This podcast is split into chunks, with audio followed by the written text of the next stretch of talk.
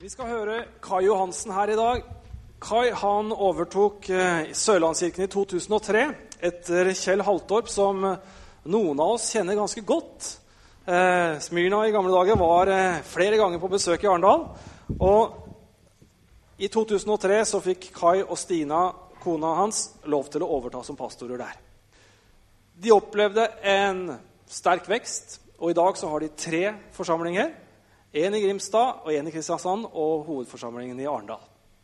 Kai han var også med på å være en sterk pådriver i forhold til en ny generasjon. Og han er kjent for å dele, dele med dagsaktuelle bilder, dele være en god kommunikatør og er en veldig bra kar. Så vi har gleda oss til å høre deg, Kai.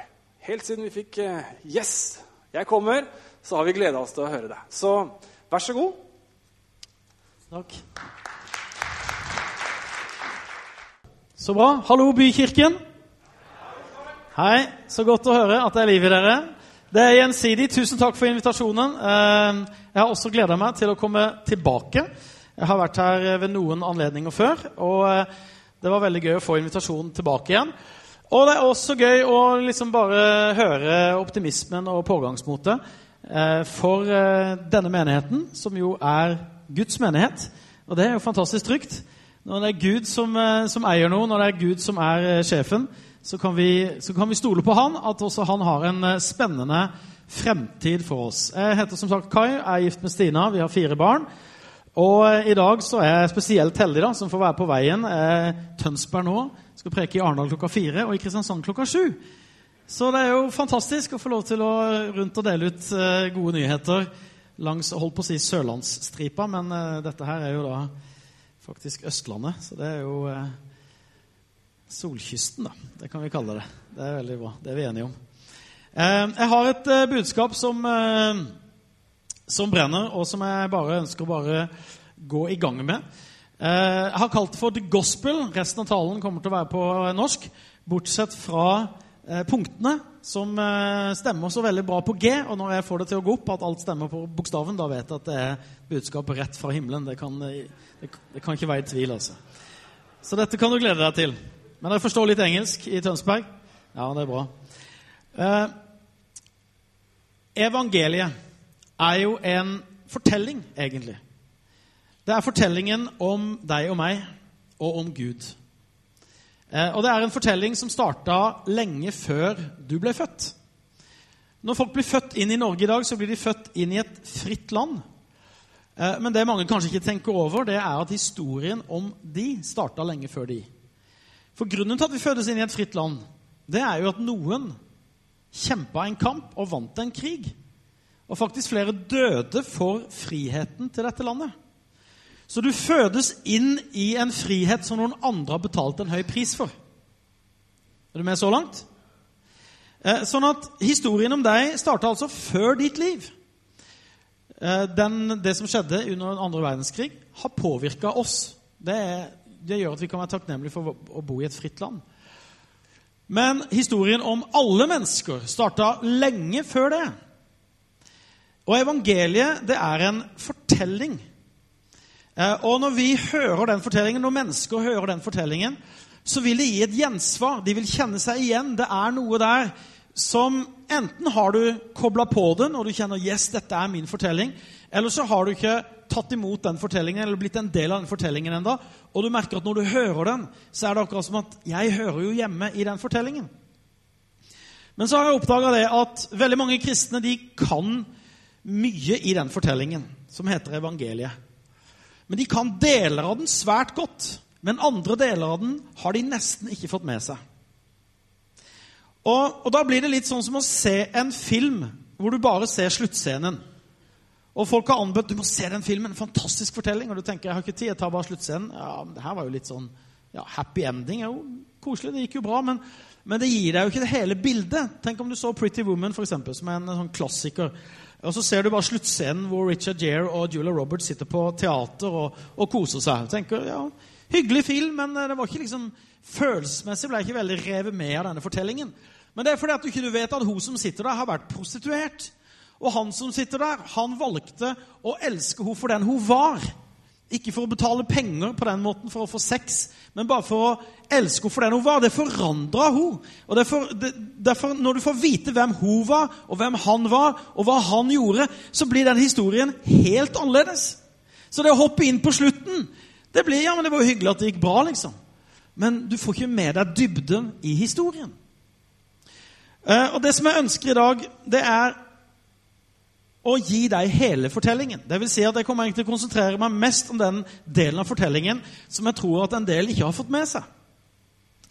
Eh, det betyr ikke da at det du har fått med deg, ikke gjelder lenger, men det betyr bare at ting henger sammen. For det er litt sånn som med evangeliet også. Mange har fått med seg slutten. At Gud er glad i meg, og at han elsker meg. Men hvem er Gud? Har du fått med deg hvem Gud er? Har du fått med deg hvor mye han hater synd? Og hvor syndig jeg er uten han? Og nå, nå begynner stemninga å bli dårlig. Jeg vet at stemningen kommer til å bli veldig dårlig, men det går bra. Bare sitt til slutten. kan jeg love meg det. Forstår du egentlig hva nåde er? Og sånn kunne vi fortsatt. Men la oss begynne med begynnelsen. La oss begynne med den første delen av fortellingen, som er det står 'god', tror du? Nei, det står 'God', ikke sant? For vi holder oss til engelsk her nå. 'God is good', og Gud er god, så det går veldig bra foreløpig. Um, men vi begynner med Gud. Det er der fortellingen begynner. Den begynte ikke med deg, den begynte med han. Den begynner med han. Det er forresten veldig betryggende i forhold til menigheten også, bykirken. Det begynner med Gud. Søk Gud for menighetens fremtid. Han er veldig interessert i at denne menigheten skal få lov til å utføre det som er hans oppdrag og hans vilje for dere. Det begynner med Gud. Vi kan så lett begynne med oss selv. At vi skal finne ut av det. Hvem er jeg, og hvordan? Vi må begynne der historien begynner. Den begynner nemlig med Gud. Og Jeg har tatt med meg en, med en Gud i dag som mange tenker på Gud. Jeg vet ikke, hvordan, hva, hva tenker du når du hører Gud? Mange tenker på Gud litt sånn som dette her. Som en nikkedokke som vi har med oss i livet som en lykkeamulett. Han ligner tilfeldigvis på en annen person, men eh, det her bare illustrerer litt dette med vårt forhold til hvem er Gud? Er det sånn at vi fort kan tenke Gud, jeg skulle så gjerne gjort det, og jeg vil så gjerne ha den karrieren, og jeg vil ta de valgene, og jeg, jeg, har så lyst til det nå, og jeg vil så gjerne at det skal skje nå. Hva syns du om det, Gud? Jo, det går fint, det går fint, det går fint. det går fint. Å, så bra! Gud er med meg. Og så kanskje fortsetter du i livet, og så kommer du til noen valg, og så, du, og så, så tenker du veldig fort på hvordan, hvordan, vil jeg, hva er det beste for meg i denne situasjonen? Hvordan skal jeg eh, få, få, eh, realisert meg? Og så, og så, vil du gjerne ha med Gud, så du spør jo Gud hva syns du om det. Jo, det er fint, det er fint. det er fint. Du får veldig fort et svar, et bekreftende svar. Men sannheten er jo at dette er ikke Gud. Dette er egentlig deg. Det er egentlig sånn vi er i Guds hender. Det er egentlig sånn at hvis du har et maleri hjemme, du har malt det selv, så er det jo klart at om du bestemmer deg for å ødelegge det, så vil ikke, noen, vil ikke noen kunne si du får du ikke lov til. Jo, det kan jeg få lov til. Det er mitt. Jeg gjør som jeg vil med det. Og i stedet for at det er sånn at vi kan gjøre som vi vil med Gud, så er det egentlig han som kan gjøre som han vil med oss. Det er heldig for deg at han er god. Han kan gjøre hva han vil. Han har all makt i himmel og på jord. Det er han som er Gud. Tenk om du visste at du skulle møte Gud i morgen, mandag klokka ni. Da hadde du et møte med den levende Gud, han som skapte himmelen og jorden. Du skulle få møte han sånn som han var. Nå skal du få møte en som opplevde akkurat det. Han var en ung mann som levde for 3000 år siden. og Han hadde det veldig greit. egentlig. Han trodde på Gud, han levde ikke sånn som de andre. Han, trodde, han levde, levde, ganske moralsk riktig. Og så han, var han så heldig at han hadde en pappa som eh, het Amos, og han var i slekt med kongehuset på den tida. Så det betyr at denne gutten han hadde kontakt rett inn og kunne mingle med de kongelige og være på Slottet. Og, så sånn, Rent sånn materielt sett da, i forhold til eh, liksom, hvor han var i samfunnet, så han, var han ganske bra stilt.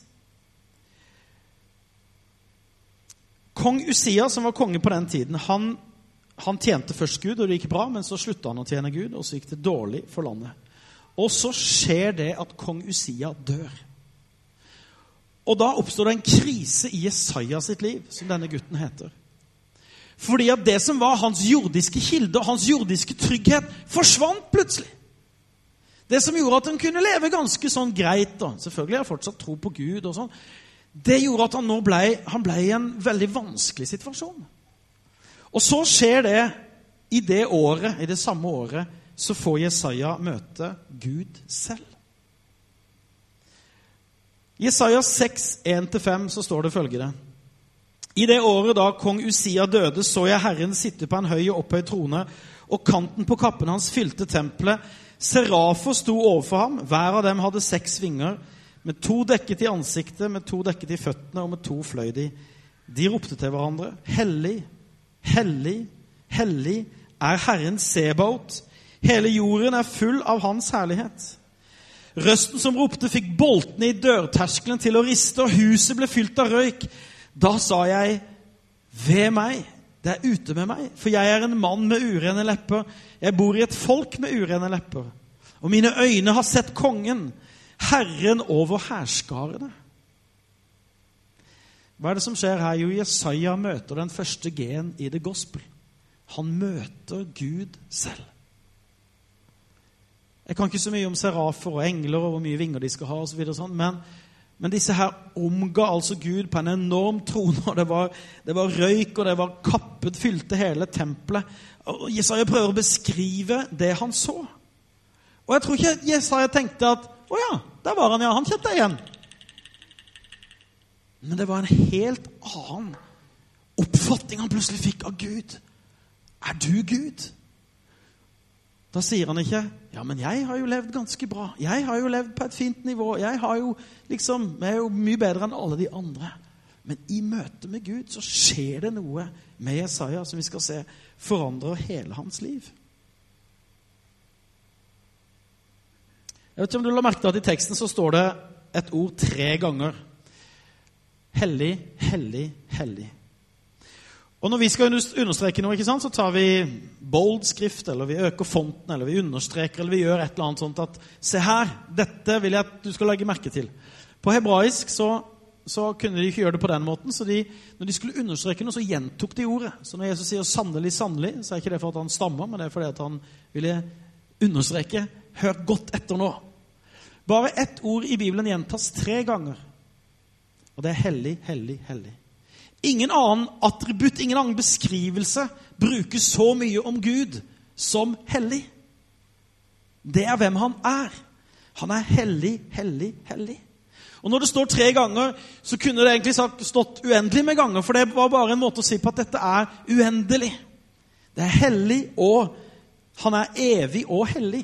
Han er evig hellig, og det er to vanskelige ord som du kanskje ikke bruker så veldig mye i din dagligtale, men kanskje er det fordi at det er en del av historien som ikke er en del av din fortelling. Hvor Gud har blitt noe sånn lykkeamulett, noe vi har som på sida, og vi nesten tror at grunnen til at vi er frelst, er at vi var litt flinke. Og at det skjønner jo godt at han tok med Kai Johansen når han først skulle velge. liksom. Smart valg, Gud, liksom. Du er, du er ikke så dum, du. Men hva betyr evig og hellig? Og Dette her er eh, vanskelig å snakke om, men jeg skal likevel si det på en måte som jeg tror at du kan gripe det i dag. Eh, og Jeg har lyst til å vise deg en, en, video som du kan bare få på skjermen her, så skal vi snart starte den.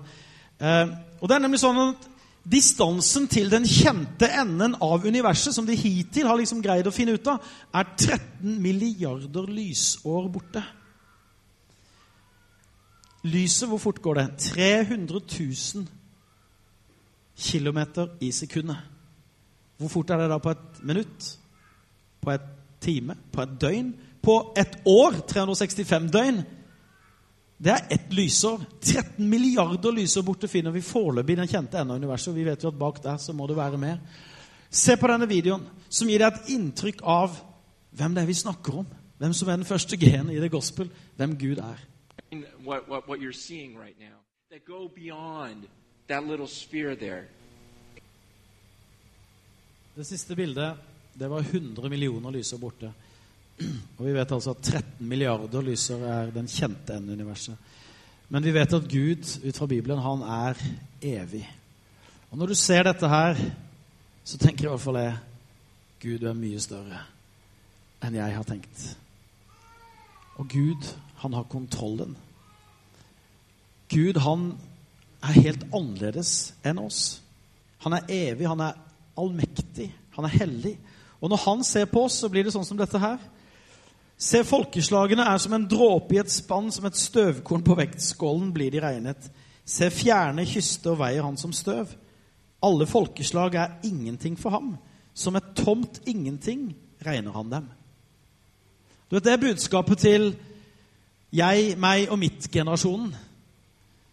Hvordan, eh, hva, liksom tenker Gud om meg? Gud, hvor, hvor, er, jeg, liksom? Ja, I forhold til Gud så er du ingenting. Good news.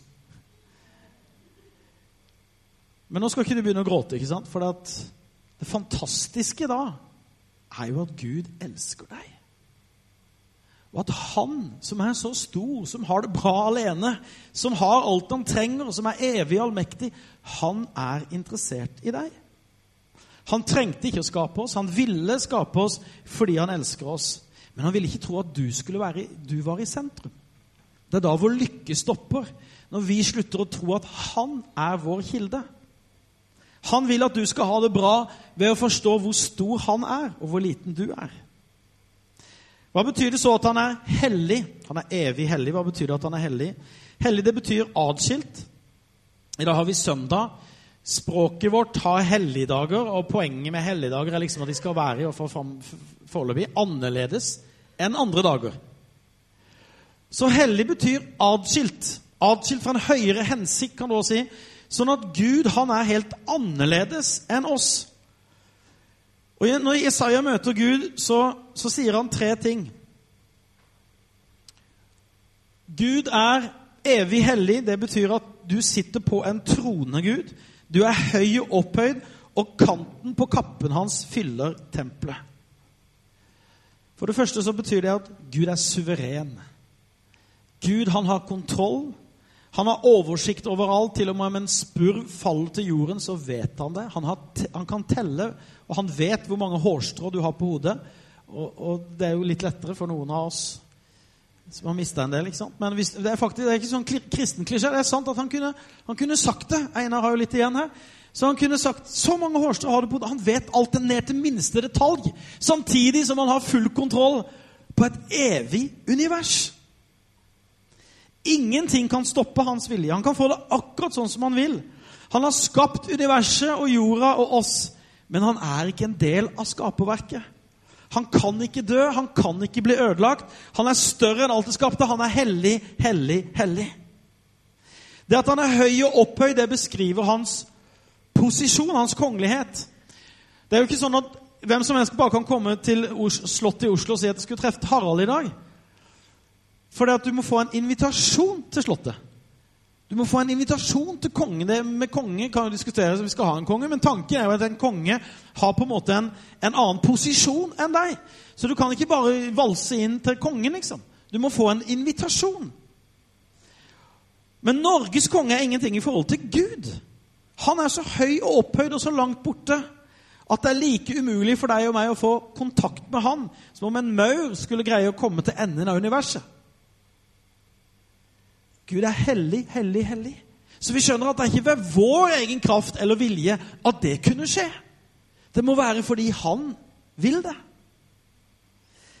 At kanten av kappen hans fyller tempelet, det er et tegn på hvor fantastisk flott og enorm han er. Når dronning Elisabeth ble krona i 1953, så hadde hun et slør som var så langt og tungt at det måtte bæres av seks brudepiker, og det var over ti meter langt. Noen som skal gifte seg snart her? Godt tips. Liksom. Slå, slå, til liksom. Men, men, Guds kappe, da, som er et uh, uttrykk for hans, hans, His Majesty, den fyller hele det himmelske tempelet. Og så kan vi snakke om Guds evig moralske renhet. Hvor, hvor ren Gud er. Han er helt uten synd. Han har aldri gjort noe galt. Kanskje har du hatt en dag hvor du syns Å, i dag har jeg virkelig vært flink gutt eller jente. Men i forhold til Guds, Guds standard Han kan finne feil på deg en evighet. Det er som om, om du har rydda rommet ditt, og så kommer mamma inn. Så finner hun 100 feil allikevel. Sånn, ja, men det der støvet der, og du, ja, men se under her, da. Altså, for at hun ser alt, vet du. Sånn er det med Gud også. Han ser at bak en del av de der gode gjerningene dine, så var det litt egoistiske motiver allikevel. var det ikke det? Eller du syns du har, det er liksom som at du syns du har blitt flink til å spille sjakk. Vi spiller jo sjakk om det er jo sjakkfeber i Norge. Og så slår du nå både lillebror og pappa, men så møter du Magnus Carlsen. Han slår deg i blinde på fem minutter, liksom. Og du føler at 'Jeg trodde jeg var god i sjakk. Jeg suger i sjakk'. Og du tenkte 'Jeg trodde jeg var ganske moralsk prektig. Jeg har møtt Gud. Jeg har møtt Gud. Jeg suger i forhold. Jeg er en stor synder i forhold. Martin Luther, som var en katolsk munk før han, før han på en måte så nåden, han, han skjønte det her fordi at folk spurte han, elsker du Gud. Så, elsker Gud? Jeg hater Gud. Jeg hater Gud. Hvorfor det? Jo, fordi at han hadde sett hvor stor Gud var, hvor hellig Gud var, hvor ren Gud var, og hvor syndig han var i forhold. Og så forsto han at for å bli godkjent av Gud, så må han opp til hans nivå. Og hvis han ikke greier det, så blir han dømt til evig fortapelse. Hvordan kan du elske et sånt monster, liksom? Men det var før han så nåden. Men da forsto han også hvor nåde var. Når han så hvor mye han trengte den.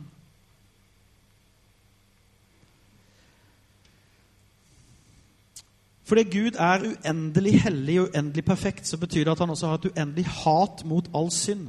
Dvs. Si alt som er imot hans vilje og hans skaperverk. Alt som vil ødelegge deg, er synd. Og Gud hater synd, og synd gjør at han blir vred. Ikke på den måten som vi blir sinna liksom, og bare gjør noe ukontrollert. Men han kan ikke få godta at noen skal få skitne til å ødelegge hans skaperverk. Og så kan vi tenke at ja, men våre små synder, kan det ha noe å si, da? Kan ikke Gud liksom se gjennom fingrene med dem? Men jeg var på Vinterpalasset i St. Petersburg i mai sammen med min kone. Vi har noen venner i St. Petersburg som har planta menighet. Og, så fikk vi være på, på Vinterpalasset i St. Petersburg og fikk se Picasso og Monet og Rembrandt. Dyre, kjente malerier. Og de var vokta. ikke sant? Du måtte stå på lang avstand og se på dem.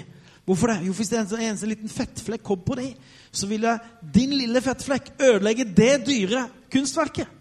Men hjemme hos oss så henger Ikea-bildene fint ikke sant, på, i stua. Og om noen kommer innom med litt fettflekker, det Ja, vi overlever. Det går greit, liksom. For det var ikke sånn en verdi på det. Men vi snakker om Guds skaperverk. Vi snakker om deg og meg. Vi snakker om hva Guds, Guds vilje er. Når vi synder, så skitner vi til Hans skaperverk. Vi er ulydige mot Hans Majestet, kongenes konge, som er 100% perfekt. Og hva tror du skjer når vi møter Guds evighet, hans opphøydhet, hans storhet, og vi møter Guds moralske renhet også, hvor uendelig ren han er, hvor hellig han er, hvor annerledes han er enn oss? Hva, hva skjer da? Jo, det som skjedde med Isaiah. Han sier, 'Ved meg, det er ute med meg. Jeg er en mann med urene lepper.' Han følte seg så skitten, selv om han hadde vært snill gutt hele tida. Følte han, tenkte han kanskje, så måtte han, møtte han nå en helt annen standard. Det er som at du driver et lite gatekjøkken som du syns du, du, har ganske fint, fint stell på det. Liksom. Så kommer Gordon Ramsay og Eivind Hellstrøm samtidig på besøk og bare sier 'Vi stenger denne sjappa'.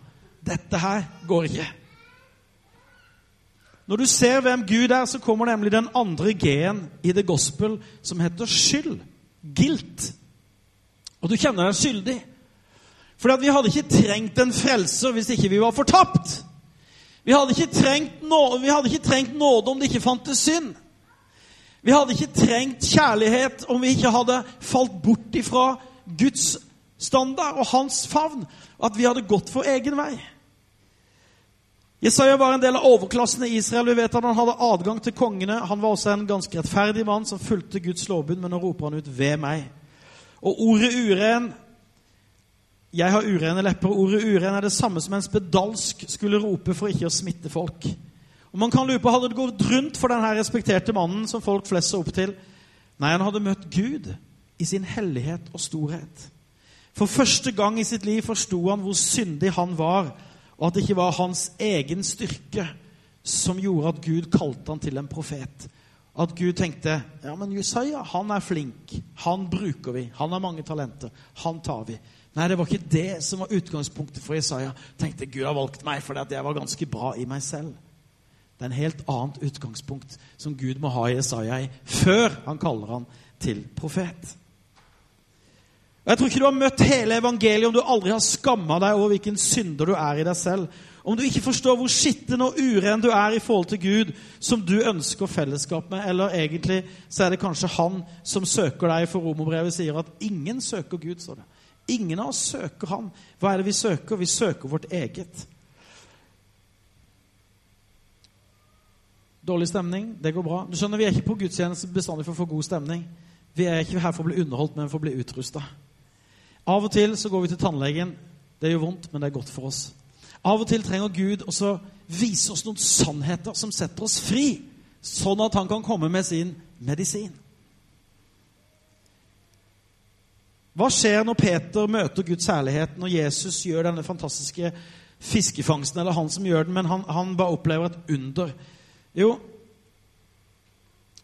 Peter, da Simon Peter så det, kastet han seg ned for Jesu føtter og sa, 'Gå fra meg, Herre, for jeg er en syndig mann.'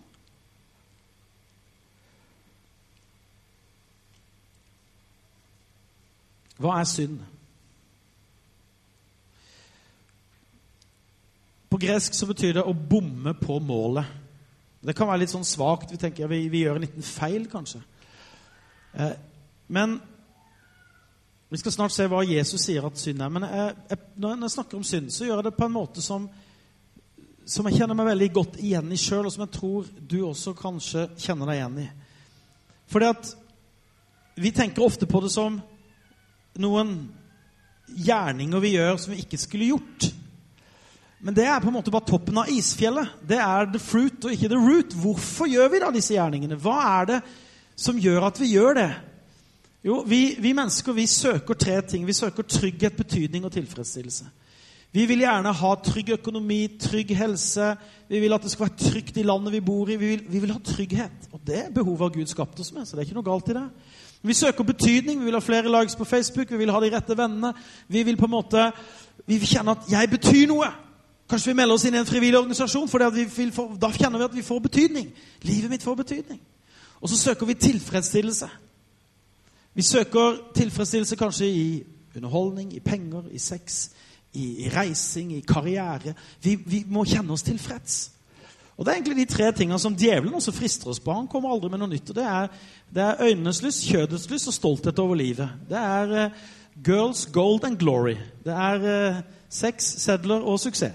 Altså Det er noe av det, det det er på en måte disse tre tingene her som hele tiden trekker oss bort fra Gud.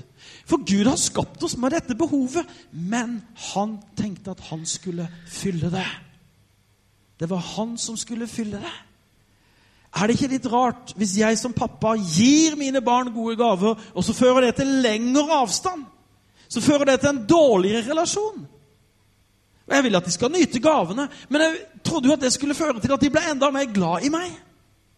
Er det ikke rart at vi i verdens rikeste land, og vi har så mange ting, og vi har så mange valgmuligheter, fører vi oss bort, det fører oss bort fra Gud istedenfor nærmere Han? Fordi at vi finner vår trygghet, betydning og tilfredsstillelse i alle disse tinga. Eller i alle, i, i alle disse mulighetene som fins. Så kjenner vi at 'nå har jeg det bra'. Og så greier jeg meg egentlig ganske bra uten Gud. Og det er det som er vår synd. Og C.S. Lewis han har sagt det sånn menneskets historie er den lange, grusomme fortellingen om hvordan vi forsøker å finne lykken i noe annet enn Gud. Vet du hva synd er? Synd er når vi søker vår lykke eller vår trygghet, betydning og tilfredsstillelse i noe annet enn Gud. Når vi ikke stoler på at Han kan gi oss det. For Jesus sa synden er at ikke de tror på meg. Synd er at du stoler på deg selv. Du sørger for din lykke. Du sørger for din betydning, tilfredsstillelse og trygghet. Du har orden på sakene. Du må sørge for det. Du gjør det i egen kraft, for du stoler ikke på at Gud kan gjøre det. Du stoler på deg selv i stedet. Og så farer vi alle hver vår vei som sauer. Så går vi vår egen vei. Mens hyrden lokker deg tilbake i dag. Og sier, vet du hva, 'Jeg er den gode hyrde'. Jeg er en god Gud.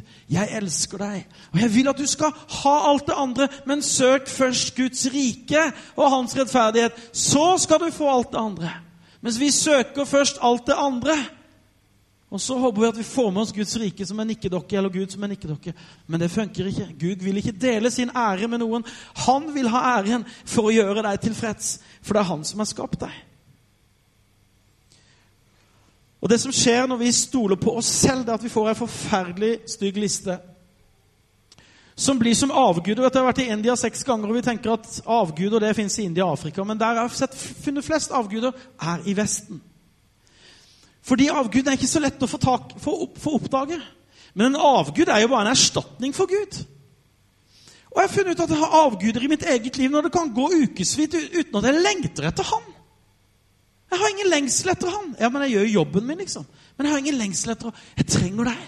Jeg trenger deg for å bli tilfreds, trygg og lykkelig. Men i stedet så Kontroll er for meg en veldig sånn avgud. Hva kjenner Nå har kontroll på Nå har jeg alt orden i kalenderen, jeg har kontroll på økonomien, jeg har kontroll på tinga. Jeg har liksom Å, nå kjenner jeg Nå har jeg det godt. Men hva da jeg ikke har kontroll? Eller suksess. Du vet, Det å drive menighet har kunnet blitt en avgud i seg selv. fordi at Oi, hvor mange er vi på møte i forhold til de? Og hvordan, ja, nå, har, nå har vi sett litt sånn vekst, og nå har vi fått planta en menighet. Og, og så føler jeg ja, men da har vi suksess. Men jeg har opplevd faser uten suksess. Hva blir man da? Frustrert og irritert. Hvorfor det? Ja, Det må jo fordi at jeg hadde min kilde i det. da. For jeg hadde min lykke i det. Og lista er lang og stygg. For noen kan det være å prestere. Du må gjøre noe hele tida. Du kan aldri slappe av, du, for du kjenner at når jeg gjør noe, når jeg presterer, da er jeg lykkelig. Eller du vil være sterk, eller du vil være i sentrum. Hvis ikke du er i sentrum, hvis ikke folk ser deg Folk ser ikke meg. Så blir du ikke tilfreds. Selvmedlidenhet kan være en avgud. Hvor du kjenner at når jeg bare klager nok, så får jeg i hvert fall litt oppmerksomhet. Og kjente det var litt godt. Og Det er ikke det at vi ikke skal vise omsorg mot hverandre, men vi skal hjelpe mennesker i denne verden, i menigheten og i verden, å skjønne at Gud er det eneste håpet vi har. Han er vår lykke. Det er Han som kan gi oss det vi trenger. Jeg vil ha anerkjennelse. jeg vil jeg vil at alt skal være perfekt. Kanskje, kanskje når er, ungene er på, har liksom, er pent kledd, og hjemmet er i orden, og det ser ut som et eh, liksom sånn interiørblad. Da nå har jeg det fint. ikke sant? Nå er det godt. Men så er det jo alltid noe som kommer og roter det til. ikke sant? Alltid noe som, som ødelegger den der lykkefølelsen som varer så kort, som gjør at vi hele tida er på jakt etter et nytt kick. Og så fins det så mange muligheter i dag, så kanskje det er fordi at vi har 3000 valg at det tar så lang tid før vi skjønner at vi trenger Gud. Mens i, i u-land så har de tre valg før de skjønner at 'jeg klarer meg ikke, jeg trenger Gud'. Kanskje det er derfor de tar imot evangeliet så mye lettere enn oss.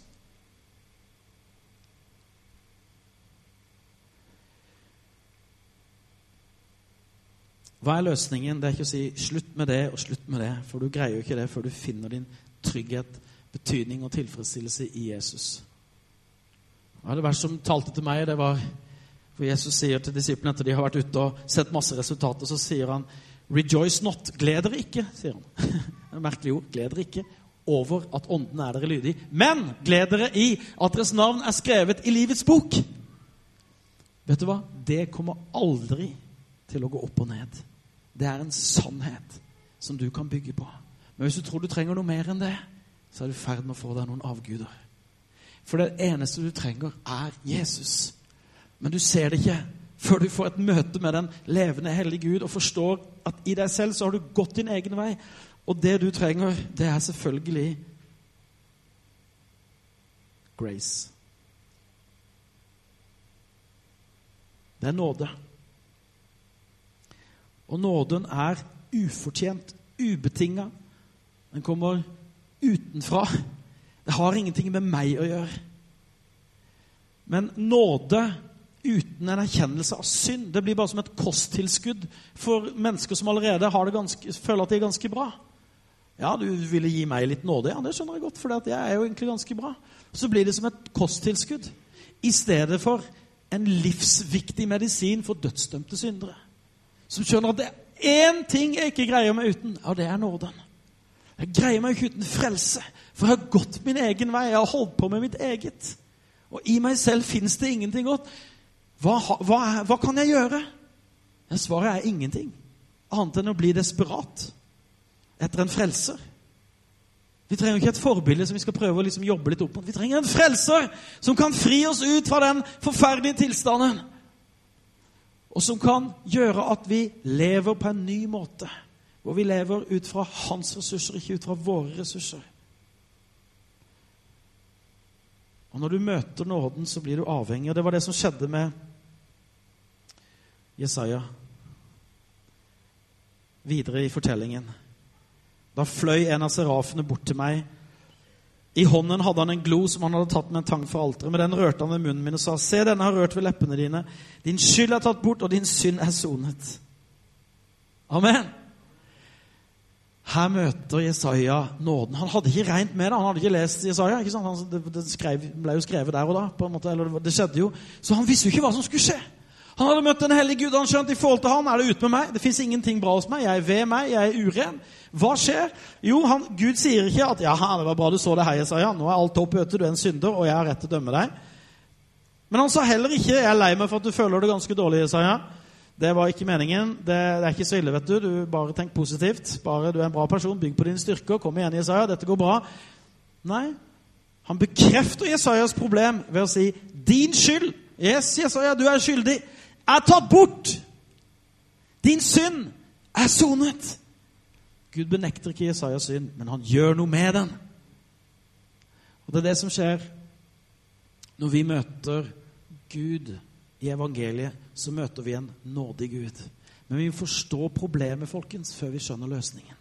Så blir det bare som å se slutten på en happy ending-film og tenke ja, men det her var jo hyggelig. Ja, men har du ikke skjønt at du var, det var håpløst fortapt med deg, og det er det fremdeles uten han? Du trenger nåden hver dag. For du dras vekk, skjønner du, fra dette her. Det er noe i oss, det gamle mennesket, det kjøttet, som vil dra oss bort. Derfor sier vi 'addicted to grace' hver eneste dag. Hva tror du er den siste gen i the gospel? Det er 'go'. Og Den skal vi ikke bruke tid på, men Jesaja han han sier Han får et kall, og så sier, sier Jesaja, 'Her er jeg, send meg'. Vet du hva du slipper når folk har møtt en hellig Gud, sett at de sjøl er syndere, og blir desperate på Guds nåde? Du slipper å presse dem. Du slipper å si 'Å, kan dere ikke gi litt annet? Nå må vi gå ut med evangeliet. Nå må vi.' Jesaja sa, 'Her er jeg, send meg'. Hele hans liv ble forandra. Hele hans karriere ble snudd opp ned. Han forsto at det er ikke jeg som skal ha med Gud på min karriere. Det er Gud som bestemmer min karriere. Det er Gud som har kontrollen. Og Gud er god. Og Gud vil deg det beste. Du vet ikke ditt eget beste, du tror det, men det er Gud som vet ditt eget beste. Skal lovsangerne komme opp, og så skal vi, skal vi avslutte. Jeg tror at denne fortellingen blir vi aldri ferdig med. Det er ikke sånn, Kan vi ikke gå dypere enn evangeliet? Dette er evangeliet, folkens. Og selvfølgelig fins det mer å oppdage i evangeliet. Men å forstå hvem Gud er, hvem av oss kan vel det? Å forstå hvor langt borte vi var i oss selv. Forstå hvor fantastisk nåden er. I never know how much it cost to see my sin upon that cross. Jeg kommer aldri til å skjønne hvor mye det kosta deg, Jesus, å betale for at jeg skulle få lov til å ha fellesskap med Gud. Og når vi har sett evangeliet, så tenker vi hvordan kan vi velsigne Tønsberg? Hvordan kan vi velsigne nabolaget? Hvordan kan jeg være, møte min arbeidskollega? Hvordan kan jeg være en bedre ektefelle? Hvordan kan jeg være en bedre pappa? Hvordan kan jeg, hvordan kan jeg gå med evangeliet? Hvordan kan jeg være et vandrende evangelium? Jeg som har fått så mye nåde. Så mye lettere det blir å være nådig med andre. Jeg som sjøl har gjort så mange feil, som, som holder på med mitt eget. Men Gud, gi meg nåde! Selvfølgelig vil jeg gi nåde til andre. Det som jeg opplever at Gud ønsker i, i kveld eller i formiddag Jeg, vet, jeg, må, jeg skal på tre møter i dag, så jeg må bare liksom si det rette. I formiddag Det er egentlig dette enkle spørsmålet. Om det du ønsker å vende tilbake og omvende deg fordi du har gått din egen vei. Du har hatt Gud som en nikkedokke, som et liten lykkeamulett. Som du har bare kjent at vet du hva jeg har, Den lista der den lista der, der var jeg. Jeg lengter egentlig ikke etter han. Jeg trenger vel egentlig ikke han. Jeg greier meg så bra uten han. Selvfølgelig er jeg som Jesaja, jeg har det på et greit nivå. Jeg har jo min tro og folk Jeg sier ikke at du ikke er frelst. Jeg bare sier at hele historien vil gjøre at frelsesverket vil gå dypere i deg. Vil gjøre noe med deg. Vil skape noe nytt i deg. Når du ser hvem han er, hvem du er, hva nåde er. Så Mens vi har hodet bøyd og øynene lukka, vi kan gjøre det sånn, så har jeg bare lyst til å spørre Ikke for min skyld, men for din skyld. Så jeg kjente denne formiddagen at Gud har talt til meg. Jeg trenger å å snu. Jeg trenger å snu litt på retningen i mitt liv. Jeg trenger å la Gud få lov til å bli mitt alt og få vende tilbake til Han. Så kan du rekke opp hånda akkurat her du sitter. Gud velsigne deg og deg og deg og deg.